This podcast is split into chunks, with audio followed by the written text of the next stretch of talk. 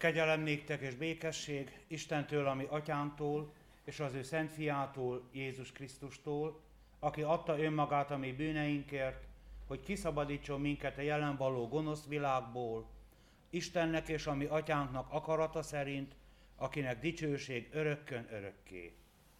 Amen.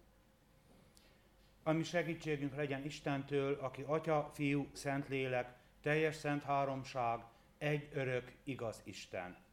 Amen. Énekeljük testvéreim kezdőénekként Isten dicsőségére 165. énekünket. 165. énekünk így kezdődik, Uram Isten, siess minket megsegíteni. thank you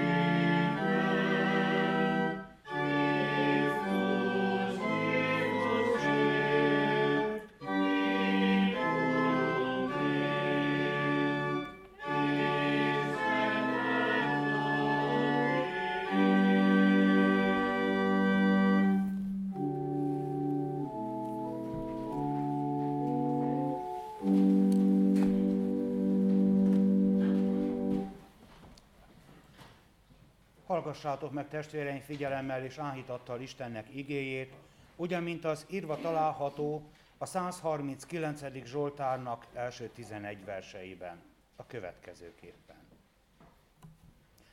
Uram, te megvizsgálsz és ismersz engem. Tudod, ha leülök, vagy ha felállok, messziről is észreveszed szándékomat. Szemmel tartod járásomat és pihenésemet, Gondod van minden utamra.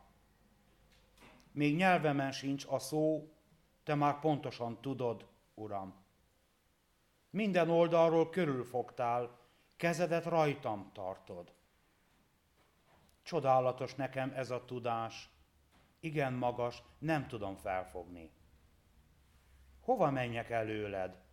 Orcád elől hova fussak? Ha a mennybe szállnék, ott vagy. Ha a holtak hazájában feküdnék le, te ott is jelen vagy. Ha a hajnal szárnyaira kelnék, és a tenger túlsó végén laknék, kezed ott is elérne, jobbod megragadna engem.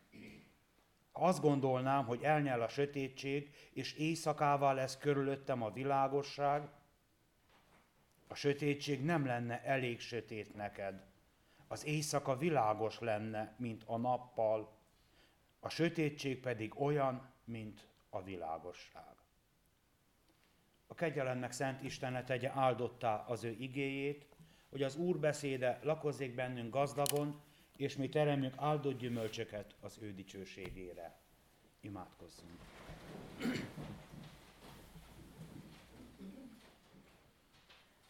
Úristen, örökkévaló és mindenható atyánk, íme egybegyöltünk itt és a szentek egyességében, az angyalok és idvezült lelkek társaságában trónusod elé visszük áldozatunkat. Megvalljuk és megismerjük szent felséged előtt, hogy mi szegény bűnösök vagyunk. Bűnben fogantatva hajlandók minden rosszra, és soha meg nem szűnünk áthágni szent rendeléseidet mikor ezt cselekedjük, igazságos ítéletedből romlást és kárhozatot vonunk magunkra.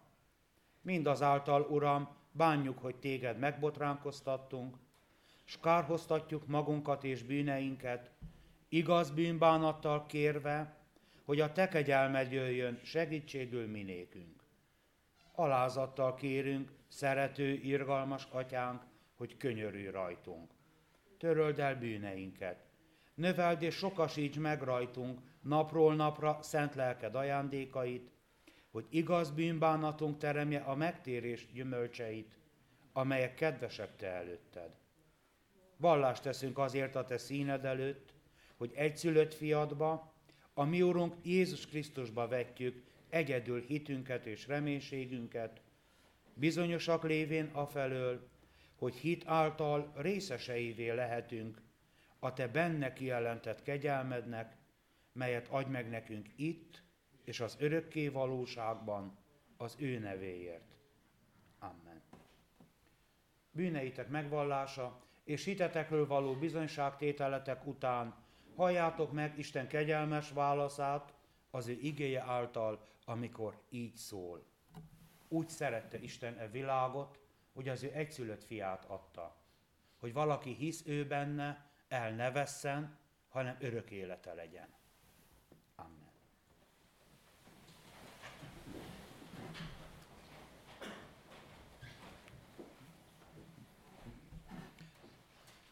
Énekeljük testvéreim Isten dicsőségére a 139. Zsoltárnak első három verseit.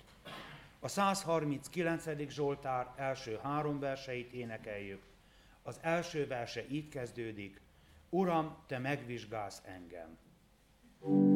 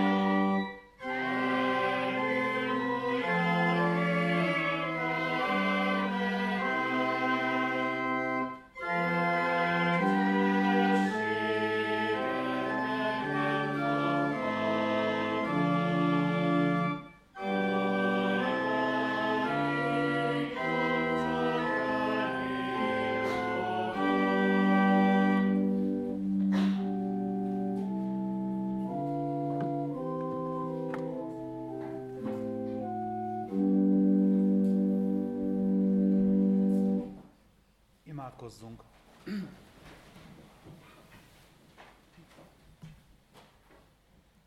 Örökké való Istenünk, Atyánk Jézus Krisztusban, hálatelt szívvel hajtjuk meg fejünket előtted, és köszönjük meg ezt az újabb alkalmat a találkozásra. Áldott légy Istenünk, hogy Te minden alkalommal megszólítasz minket. Megszólítasz, és olyan tanítást, olyan útmutatást adsz nekünk, amelyet meghallva, megértve tovább vihetjük, és átültethetjük életünkben. Köszönjük te néked azt, hogy elhoztad számunkra ezt az áldott alkalmat, az imahét alkalmait, amikor minden nap a Te ígét fölé hajolhatunk, amikor nap mint nap megtudhatjuk a Te akaratodat, amikor nap mint nap utat mutat számunkra, irányt jelzel és utat mutatsz, mert mi tudjuk, honnan indultunk, de Te vagy az, aki mindig megmutatod, hová fogunk megérkezni. Kérünk Téged, Atyánk, légy velünk ezekkel az alkalmakon, taníts minket, vezess minket, mutass utat számunkra, nyújtsd ki felénk a Te kezedet, hogy mindenkor belé fogózhassunk, és mindenkor melletted lehessünk. Így kérünk téged, Atya, Fiú, Szentlélek, Isten, tarts meg kegyelmedben, áld meg, szenteld meg együttlétünket, taníts minket és tarts meg minket. Amen.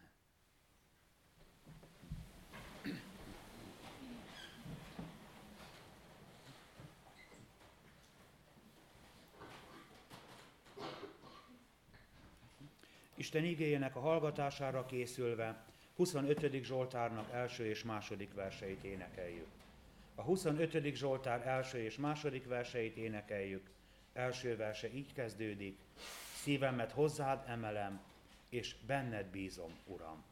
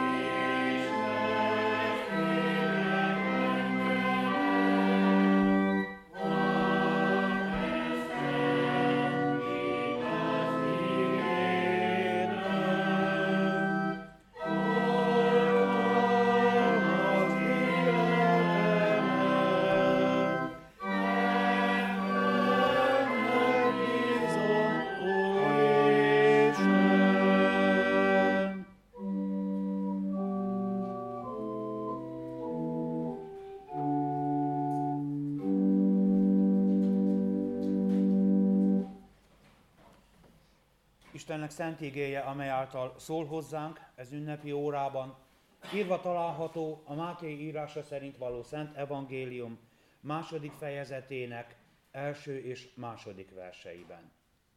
Hogy Istennek szent igéje miképpen van megírva a Máté írása szerint való Szent Evangélium második fejezetének első és második verseiben, felolvasom, kérlek hallgassátok meg figyelemmel és alázatos lélekkel.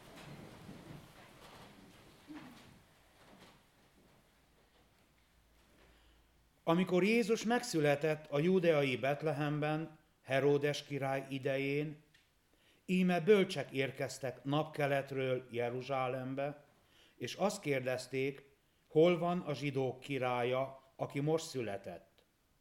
Mert láttuk az ő csillagát napkeleten, és eljöttünk, hogy imádjuk őt. Mert láttuk az ő csillagát napkeleten, és eljöttünk, hogy imádjuk őt.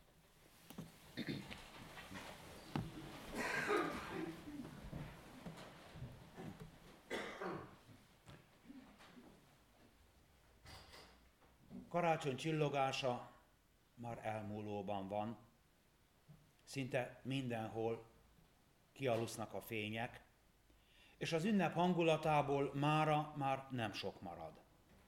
Csupán az emlékeinkben él tovább, hiszen csak egy hónapja, hogy éppen csak befejeztük a lázas készülődést, vártuk, hogy bár két nappal az ünnep előtt egy kicsi szabadabbak lehessünk, és ne csak testileg, hanem lelkileg is felkészüljünk Jézus születésének méltó megünneplésére. Mire minden, ami a karácsonyi ünneppel kapcsolatos, teljesen feledésben merülne, ismét előttünk áll a karácsonyi történet, előttünk állnak azok az események, amelyek az akkori résztvevők életét teljesen megváltoztatták. Az imaheti sorozat ige hirdetései ebben az évben a karácsonyi történetről, különösen a bölcsek útra keléséről, a csillag vezetéséről szólnak. Érthető is, hiszen a közel-keleten élő keresztény közösségek állították össze azok a testvérek, akik abban a térségben élnek, ahonnan egykor a bölcsek elindultak, ahol egykor az események lezajlottak. A mai Szíria, Irak, Irán és Palesztina területein élők keresztényekről van szó, akik most az egész keresztény világ figyelmét a karácsonyi történeten keresztül Isten végtelen kegyelmére és szeretetére irányítják. Arra a kegyelemre és szeretetre, amely nem hagyja magára az embert, hanem az ember gyarlósága, bűnei, engedetlensége ellenére ismételten felemeli, magához öleli, utat mutat számára, célt és értelmet ad életének.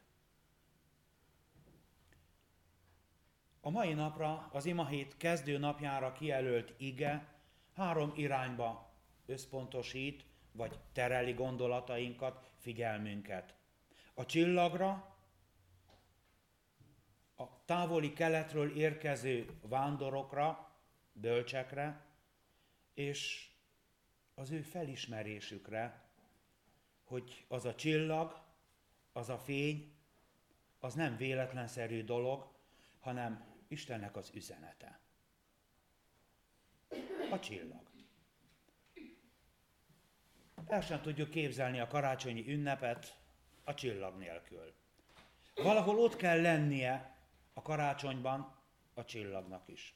Nem csak az ége hirdetésben, nem csak akkor, amikor a legkisebbek elmondják a karácsonyi történetet, vagy eljátszodják a karácsonyi történetet, hanem valahol mindannyiunknak az életében ott van a csillag. Egy motívum, amelyik megjelenik mindenhol. Már december elejétől kezdve ott látjuk a kirakatokban, ott látjuk az utcákon, a sok ezer égő és fény mindig a csillagot is megformázza, és azt a csillagot az ünnep közelettével valamilyen formában mi is feltesszük a karácsonyfára. Valahol mindig ott van a csillag. A csillag már a kezdetektől ott van a karácsonyi történetben, ott van a karácsonyi jelképek között, mint egy jelezve az, hogy fontos része az eseményeknek. A csillag volt az, ami a távoli napkelet vándorait figyelmeztette, figyelmeztette arra, hogy valami rendkívüli dolog, valami rendkívüli esemény fog bekövetkezni. Olyan személy születésével kapcsolták a csillag megjelenését, aki uralkodni fog mindenek felett, aki mindenkinél hatalmasabb, akinek mindenki engedelmeskedik. A csillag tehát egy égi jel, amely egy bizonyos földrajzi helyre mutat. Úgy is mondhatjuk, hogy egy égi vezér, amely arra a bizonyos jelzett helyre elvezeti azokat, akik megértik az üzenetét. Az évszázadok során Az emberiség szüntelenül próbálta megmagyarázni a csillag megjelenését és a csillag szerepét a történetben. Igazán nem lehet eldönteni, hogy mi is volt az a bizonyos égi jelenség, hiszen Jézus születét sem, születését sem lehet nagyon-nagyon nagy pontossággal meghatározni. Nem elég, hogy nem tudjuk a napot és a hónapot, de az az igazság, hogy az évet sem tudjuk százszázalékos pontossággal megjelölni. Hiszen a karácsonyi történetben szereplő személyiségek, Nagy Heródes, a zsidók utolsó királya, Krisztus előtt négyben meghal. A történetben szintén szereplő szíriai helytartó, Quirinius, vagy a Károli fordítás szerint Cyrenius, őt Krisztus után hadban nevezi ki a császár szíriai helytartóvá. Így nem lehet megállapítani teljes pontossággal, hogy milyen csillagászati jelenségek kísérik Jézus születését. Többféle elmélet is szányra kapott az égi jelenséggel kapcsolatban az évszázadok során. A csillag a legrégebbi, de azt nagyon jól tudjuk, hogy a csillag nem mozog. Így feltűnése csak egy egyszerű kép lehetett, az statikus volt, nem mozgott, csupán annyit tehetett, hogy ha tőlünk egy bizonyos irányban van, akkor abba az irányba el tudunk indulni, de nem megy előttünk, és nem mutatja az utat. A másik elmélet szerint, amelyről nagyon sok helyen olvashatunk, a vándorok egy üstököst láttak, amelyik valójában átmegy fölöttünk az égen, egyik irányból a másikba. Ez megmagyarázhatja azt a tényt, hogy követhető volt az általa jelzett irány.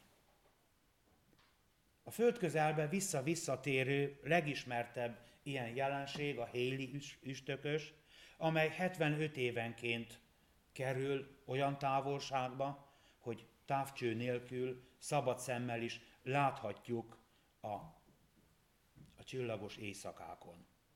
Tehát mozgása nyomon követhető, és a nap közelbe érve a nap melegétől megolvadó jégpáncélja hosszú fényes csóvát hagy maga után, mint egy jelezve mutatva, hogy az üstökös egy bizonyos irányba halad mozgása kiszámítható, így tudjuk, hogy abban a korban Krisztus előtt 12-ben tűnt fel az égen, és mutatott egy bizonyos irányba.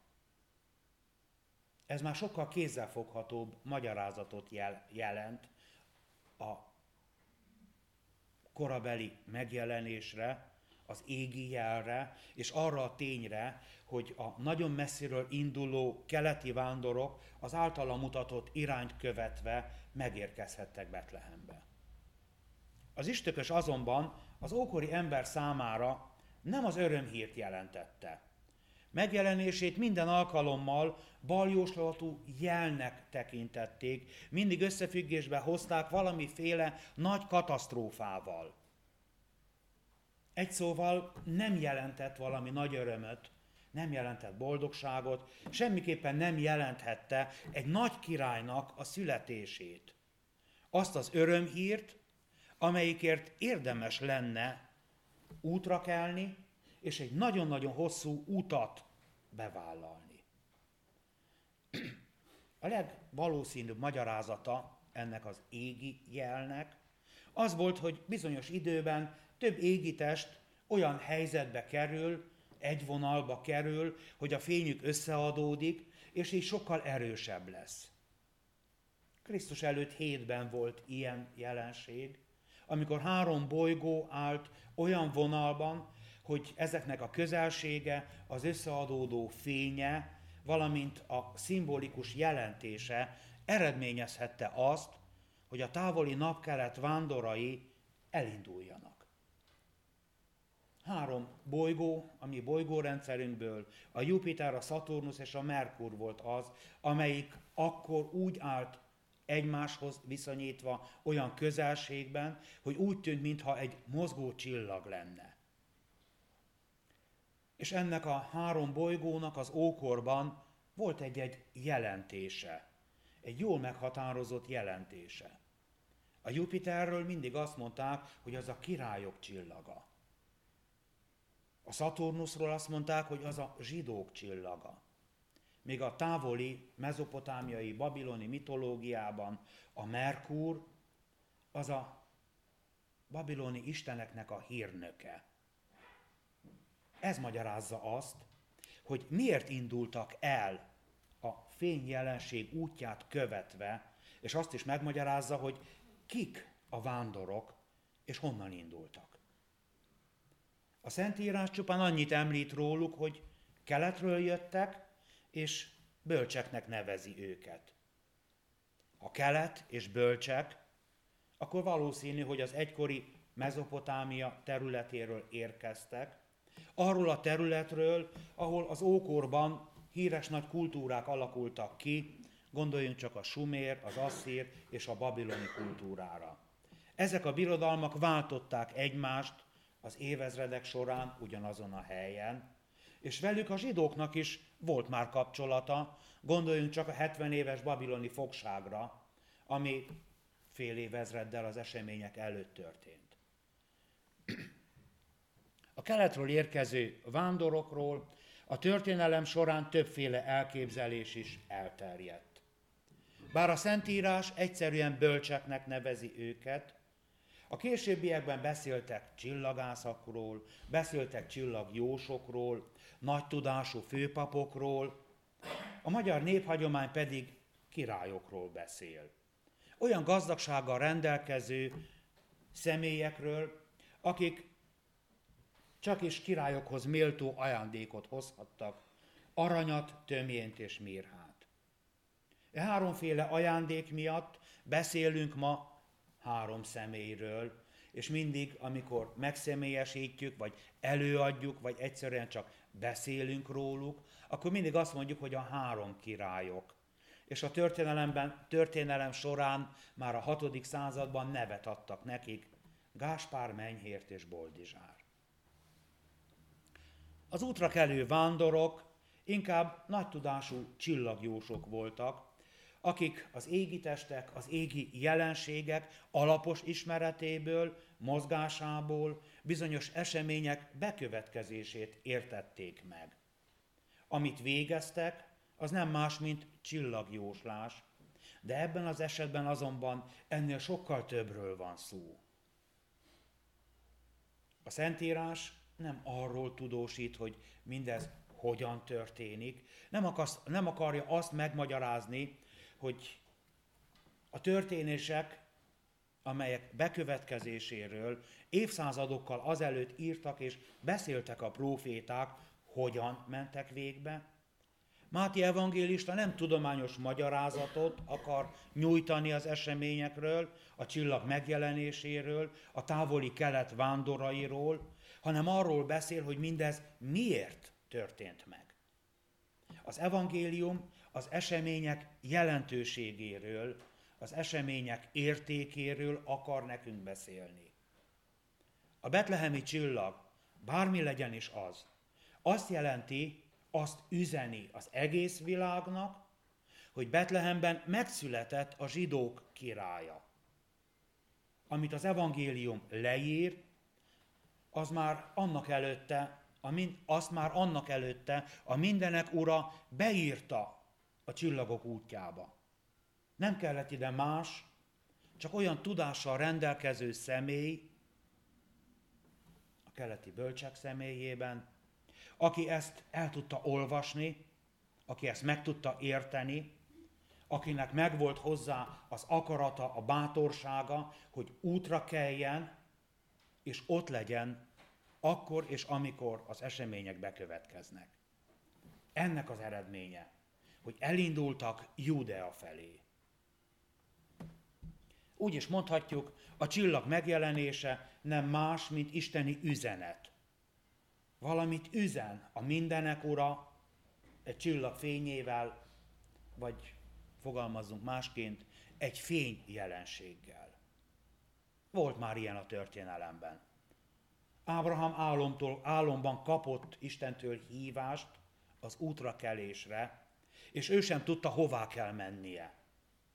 Abraham is követett valamilyen jelzést, amit Istentől kapott, valami isteni útmutatást, hogy rátaláljon arra a helyre, amelyet majd Isten megmutat neki.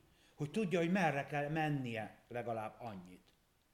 Az egyiptomi rabságból szabaduló zsidók is követték Isten útmutatását a 40 éves pusztai vándorlás során, amikor nappal felhőoszlopként, éjjel pedig tűzoszlopként ment előtte Isten iránymutató keze. A jelzést követve ők is eljutottak az ígéret földjére. A bölcsek útjának első szakasza napkeletről Jeruzsálembe vezetett. Innen folytatják majd, meghalljuk a hét folyamán, az útjukat Betlehembe. Az egész út során egyetlen egy jelzőtábla irányította őket, a csillag. Napkelet vándorai megtették a hosszú és fáradtságos utat a távoli Babilónia és Jeruzsálem között. Ez a távolság az akkori útviszonyok, az akkori terepviszonyok, az akkori egyéb ö, politikai, katonai, harci viszonyok mellett legalább 1300-1500 kilométer volt. Ez egy óriási utazás. Persze, ma, ha felülünk a repülőre, ezt egy két-három órás úttal azt leküzdi, de annak idején, amikor gyalog vagy teveháton tették meg ezt a távolságot, legalább 70-80 napig tartott ez az út, ha folyamatosan mentek, ami szintén lehetetlen volt. Egy olyan útra vállalkoztak, amely tele volt veszélyekkel, megpróbáltatásokkal, bizonytalansággal, de ők mindezek ellenére vállalták a kockázatos és hosszú utat. A bölcsek példát adtak mindannyiunk számára abban, hogy mit kell tennünk. Ők maguk mondják el. Láttuk az ő csillagát, és eljöttünk, hogy imádjuk őt. Meglátni, elindulni és imádni. Ma is ez kell Isten útjára való járásunkhoz. Ma is ez kell Isten nevének az imádásához. Lehet egész messziről indulni, és mégis eljutni Krisztusig. Ha az életékben megmutatkozó jeleket észrevesszük, és komolyan vesszük, ha a nagy távolságok ellenére is elmerünk indulni, és végig követjük Isten jelzését, akkor minden bizonyal célhoz érünk. Isten jelző táblaként adja számunkra az alkalmakat. A harang hívó szavát, a megszólaló ígét, az alkalomról alkalomra megterített asztalát. Azt az örömhírt hirdeti számunkra, hogy bármilyen messziről, vagy bármilyen közelről jöttünk ide, és bármi indított, megszokás, kíváncsiság, ige iránti éjség, a hagyomány tisztelete, vagy a mélységes hála és a belső öröm, mindannyiunknak odaigazítja a lábát a Krisztushoz vezető útra, amely egyúttal hozzá az atyához visszavezető út is. Aki ezen az úton halad tovább, új útra talál. Olyan útra, amelyeket a, amelyekre a, amelyre a jelzőtáblákat maga az Úr helyezte ki. Olyan utat, amelyen a hívő ember Krisztussal halad tovább. Az imahét minden alkalma ezt fogja bennünk megerősíteni, hogy ez az út csak vele járható. Induljunk el bátran ezen az úton, és legyünk biztosak abban, hogy még ha sziklák is omlanak rá, ha váratlan viharok jönnek is, a legnagyobb erők állnak készenlétben, hogy átsegítsenek minket minden akadályon, és hazataláljunk. Lássuk meg a jelet, amelyet Isten ad nekünk, keljünk útra, és megérkezve imádjuk őt. Utána induljunk hazafelé, Krisztussal.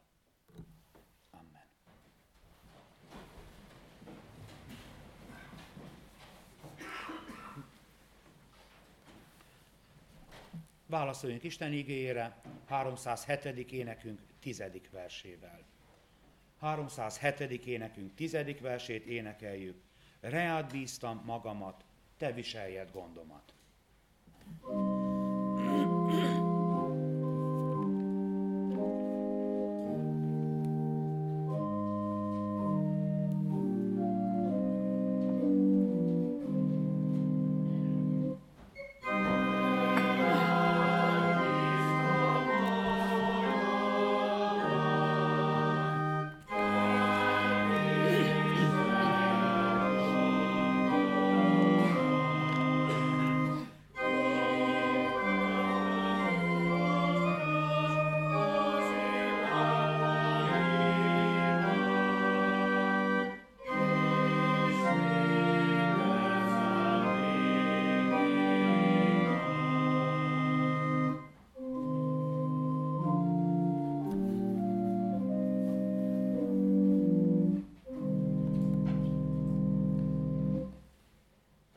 Köszönjük neked mindenható atyánk azt a bíztatást, amit a mai nap kaptunk a te ígédből. Köszönjük a példát, amelyet távoli napkelet bölcsei mutattak, akik észrevették a te jelzésedet, és időt, fáradtságot nem kímélve elindultak egy nagyon hosszú, nagyon nehéz útra, azért, hogy ott legyenek annál a csodánál, amelyet te értünk tettél. Köszönjük azt is, atyánk, hogy lélekben mi is évről évre ott lehetünk. És megadtad nekünk azt a lehetőséget, hogy most az ünnep elmúltával ismét átéljük és átérezzük az ő közvetlen közelségét, a te érettünk megmutatott szeretetednek a végtelen melegségét hogy gondolatban ott lehetünk mi is, azon az úton, amely Betlehem felé vezet, és majd a hét napjaiban ott lehetünk Szent Fiad megszületésének a helyén és a korában. Kérünk téged, mindenható atyánk, add, hogy életünk minden napján vegyük észre a jelzéseket, amelyek tőled jönnek, vegyük észre, értsük meg, és forduljunk mindig a megfelelő irányba. Haladjunk mindig te feléd, és vigyük magunkkal mindazokat, akiket reánk bíztál.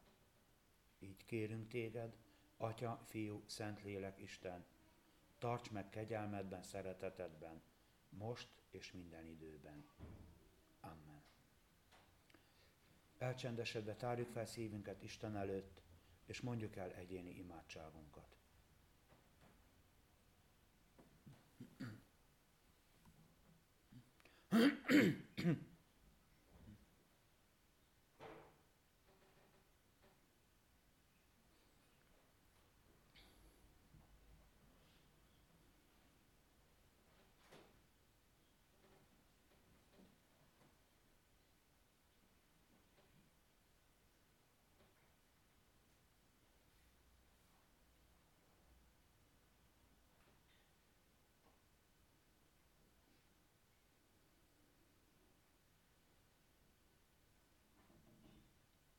Áldott a mi Istenünk, aki meghallgatja könyörgésünket. Amen. Mi atyánk, aki a mennyekben vagy, szenteltessék meg a te neved. Jöjjön el a te országod, legyen meg a te akaratod, amint a mennyben, úgy a földön is. Minden napi kenyerünket add meg nékünk ma, és bocsáss meg védkeinket, miképpen mi is megbocsátunk az ellenünk védkezőknek. És ne vigy minket kísértésbe, de szabadíts meg a gonosztól, mert tiéd az ország, a hatalom és a dicsőség mindörökké. Amen.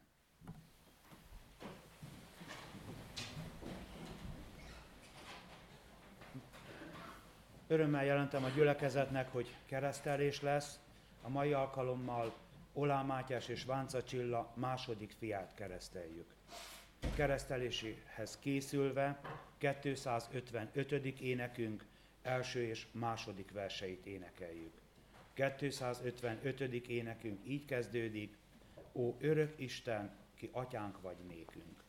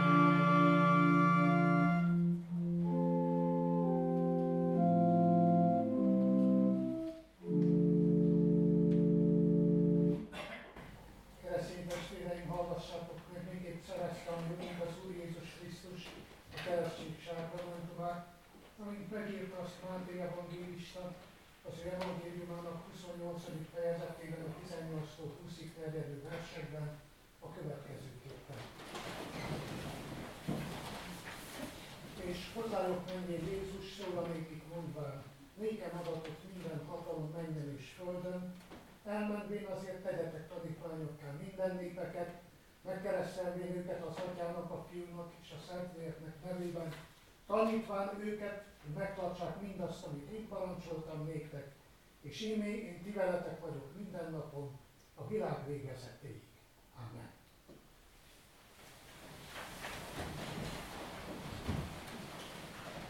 Keresztény testvéreim, kedves szülők, keresztülők, hozzátartozók és rokonok.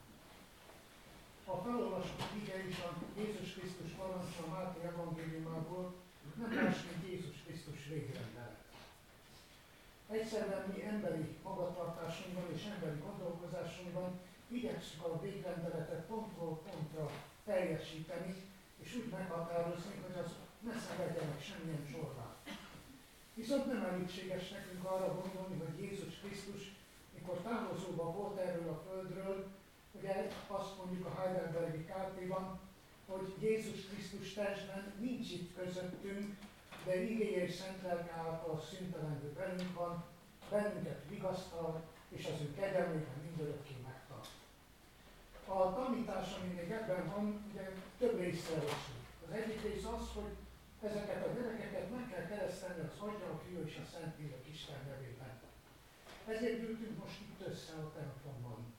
Ennek teszünk eleget. De ennek a végrendeletnek van egy másik pontja is, és egy másik része, és ez a másik rész úgy hangzik, hogy és tanítván őket, hogy megtartsák mindazt, amit én parancsoltam néktek. És itt szokott csorbát szenvedni a Jézus Krisztus végrendelete. Ugyanis nagyon sok esetben, amikor a gyerekek vallásórára eljönnek, vagy amikor konfirmációi előkészületek vannak, és a konfirmációra készülnek, akkor van olyan gyerek, ami, ami atyánkat se tudja. Vagy nem tanulja meg a hiszek egyet, a hitvallásunkat, az apostoli formát. Tehát tanítván őket, hogy megtartsák mindazt, amit én parancsoltam néktek. Aztán Jézus Krisztus ígérettel zárja ezt be, és azt mondja, hogy hát én ti vagyok minden napon a világ végezetéig. Nem ez az első alkalom, hogy ígéretet mond a tanítványainak. hanem az első alkalom, amikor ígéretet mond a tanítványainak, ugyancsak a Máté evangéliumában van, amikor felsorolja a tanítványokat, a 12 tanítvány, és elküldi őket a világba.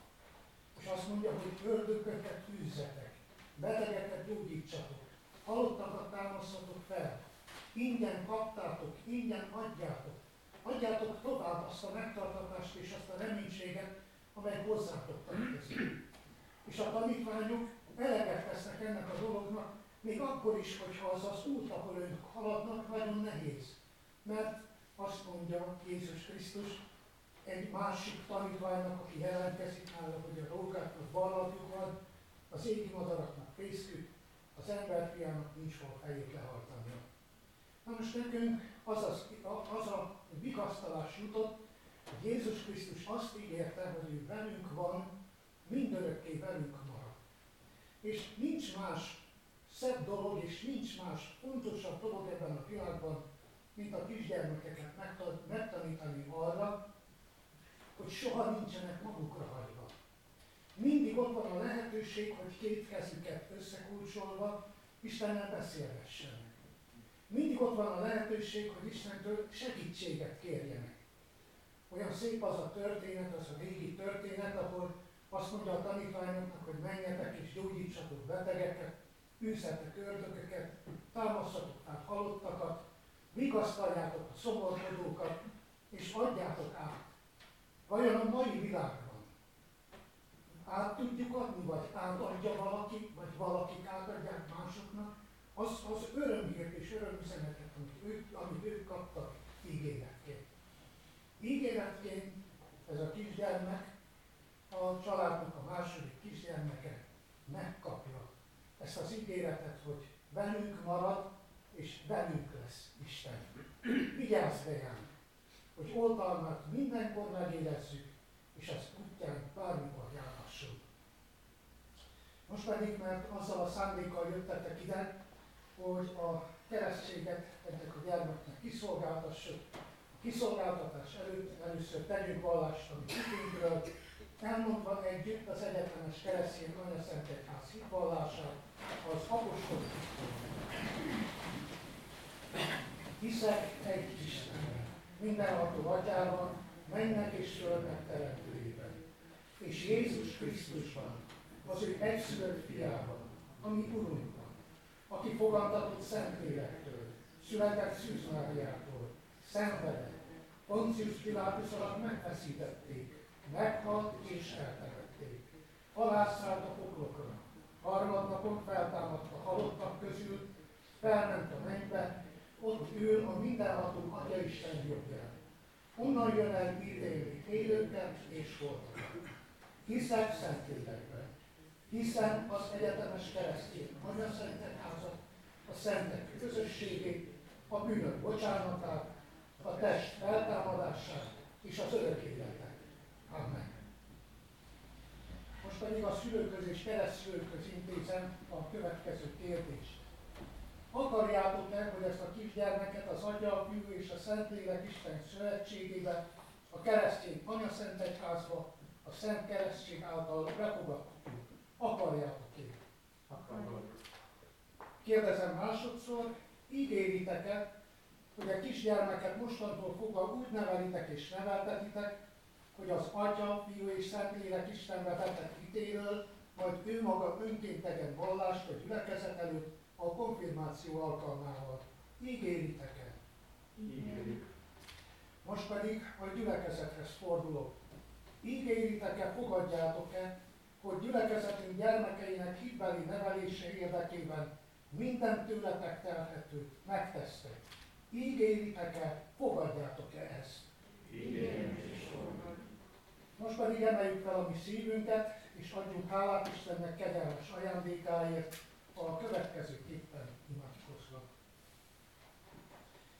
Mindenható Istenünk, mennyei édesatyánk, Te azt ígérted, hogy Istenünk leszel nekünk és maradékainknak. A Te oltalmadba és a Te szeretetedbe ajánljuk ezt a kisgyermeket. Légy neki ígéretet szerint őriző pásztora, megtartója, gondviselője. Őrizd meg minden gonosztól, és őrizd meg minden baltól. A te jobb kezed terjeszt ki felett, imádságos lélekkel tudjon a te utaitodban járni. Kérünk Istenünk, őrizd meg ennek a kisgyermeknek szüleit, keresztszüleit, nagyszüleit, hogy kibontakozó életével ez a gyermek soha se érezhesse meg az elhagyatottságnak, az államságnak a fájdalmát, hanem legyen öröme szüleinek, öröme nagyszüleinek, gyülekezetünknek gyarapodása. Kérünk Szent Fiadért, vagy Jézus Krisztusért. És most itt, ebben a közösségben elemeljük szívünket, és hálát adunk azért, hogy három sógornő, három kisgyermek édesanyja most van először templomunkban. Hálát adnak neked, megköszönjük gondviselésedet, szeretetet. Mindenhol Istenünk, oltalmazd bennünk, Szent Fiadét kérünk. Amen.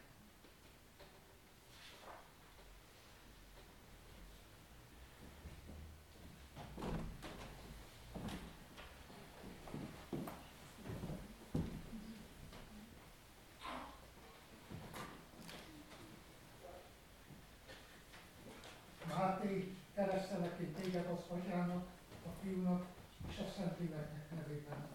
Amen.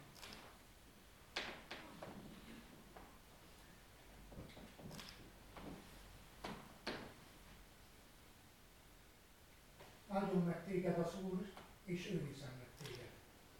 Világosítsa meg az Úr az ő orszáját rajtad, és könyörüljön rajta. Fordítsa az Úr az ő orszáját terját, és adjon te néked békességet. Amen. Most pedig adjunk hálát énekkel Isten dicsőségére és a kapott ajándékra. A következő ének, énekeljük a 255. ének harmadik és negyedik szakaszát. A harmadik szakasz így kezdődik. Istenre lelket. Az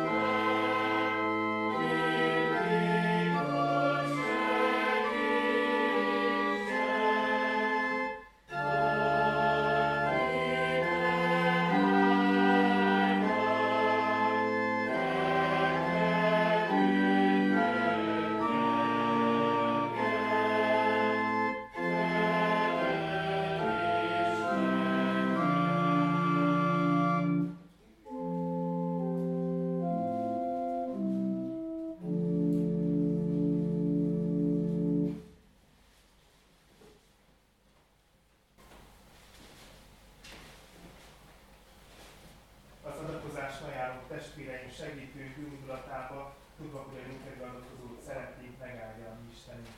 Mielőtt a többi hirdetésre rátérnék, felkérem a gondok urat, hogy köszöntse lelkipásztor testvérünket, aki már volt a meghívott. Kérem, hogy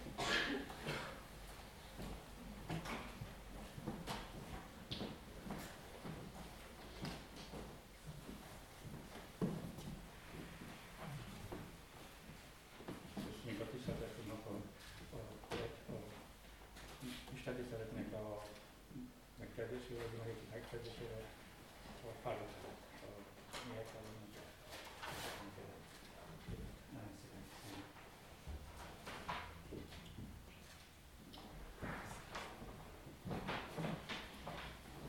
Ahogy már az előbbi hetekben is elmondtuk, a jövő héten minden este 6 órától szeretettel várunk mindenkit ide a templomba. Imaheti esti 6 órától kezdődő Isten tiszteleten Zabalai Sándor Kozárvári lelki pásztor hallhatjuk majd az időt hirdetni. Várunk mindenkit nagyon-nagyon sok szeretettel, járjuk be együtt ezt az utat a napkeleti bölcsekkel. Újra és újra. Ezt az utat, ami, ami én úgy hiszem, hogy rólunk is szól, nem csak úgy. Még két dolgot szeretnék hirdetni. Az egyik az, hogy a presbitéri ajándékra ez a szép virágrendezvény, ami itt van a, a, az úrasztalán, megcsodálhatják majd az egész ima héten. Nagyon szépen köszönjük. Azon kívül a prezbiterek és a volt prezbiterek, haragozók nevében köszönjük a mi egyházunknak újszülött meg keresztülését nevében. Az Isten az újszülöttet, szüleit és nagyszüleit. Szép. És azt szeretném még hirdetni, hogy ö, kinn a, a kiáratnál egy másik versenyt is elhelyeztünk, egy kis fényverseny, amelyben diakóniai célokra gyűjtünk adományokat. Most kimondottan egy, egy családnak gyűjtünk, akiről úgy tudjuk, hogy nem tudja kifizetni a sok elmaradását az egyház fenntartó járulékból.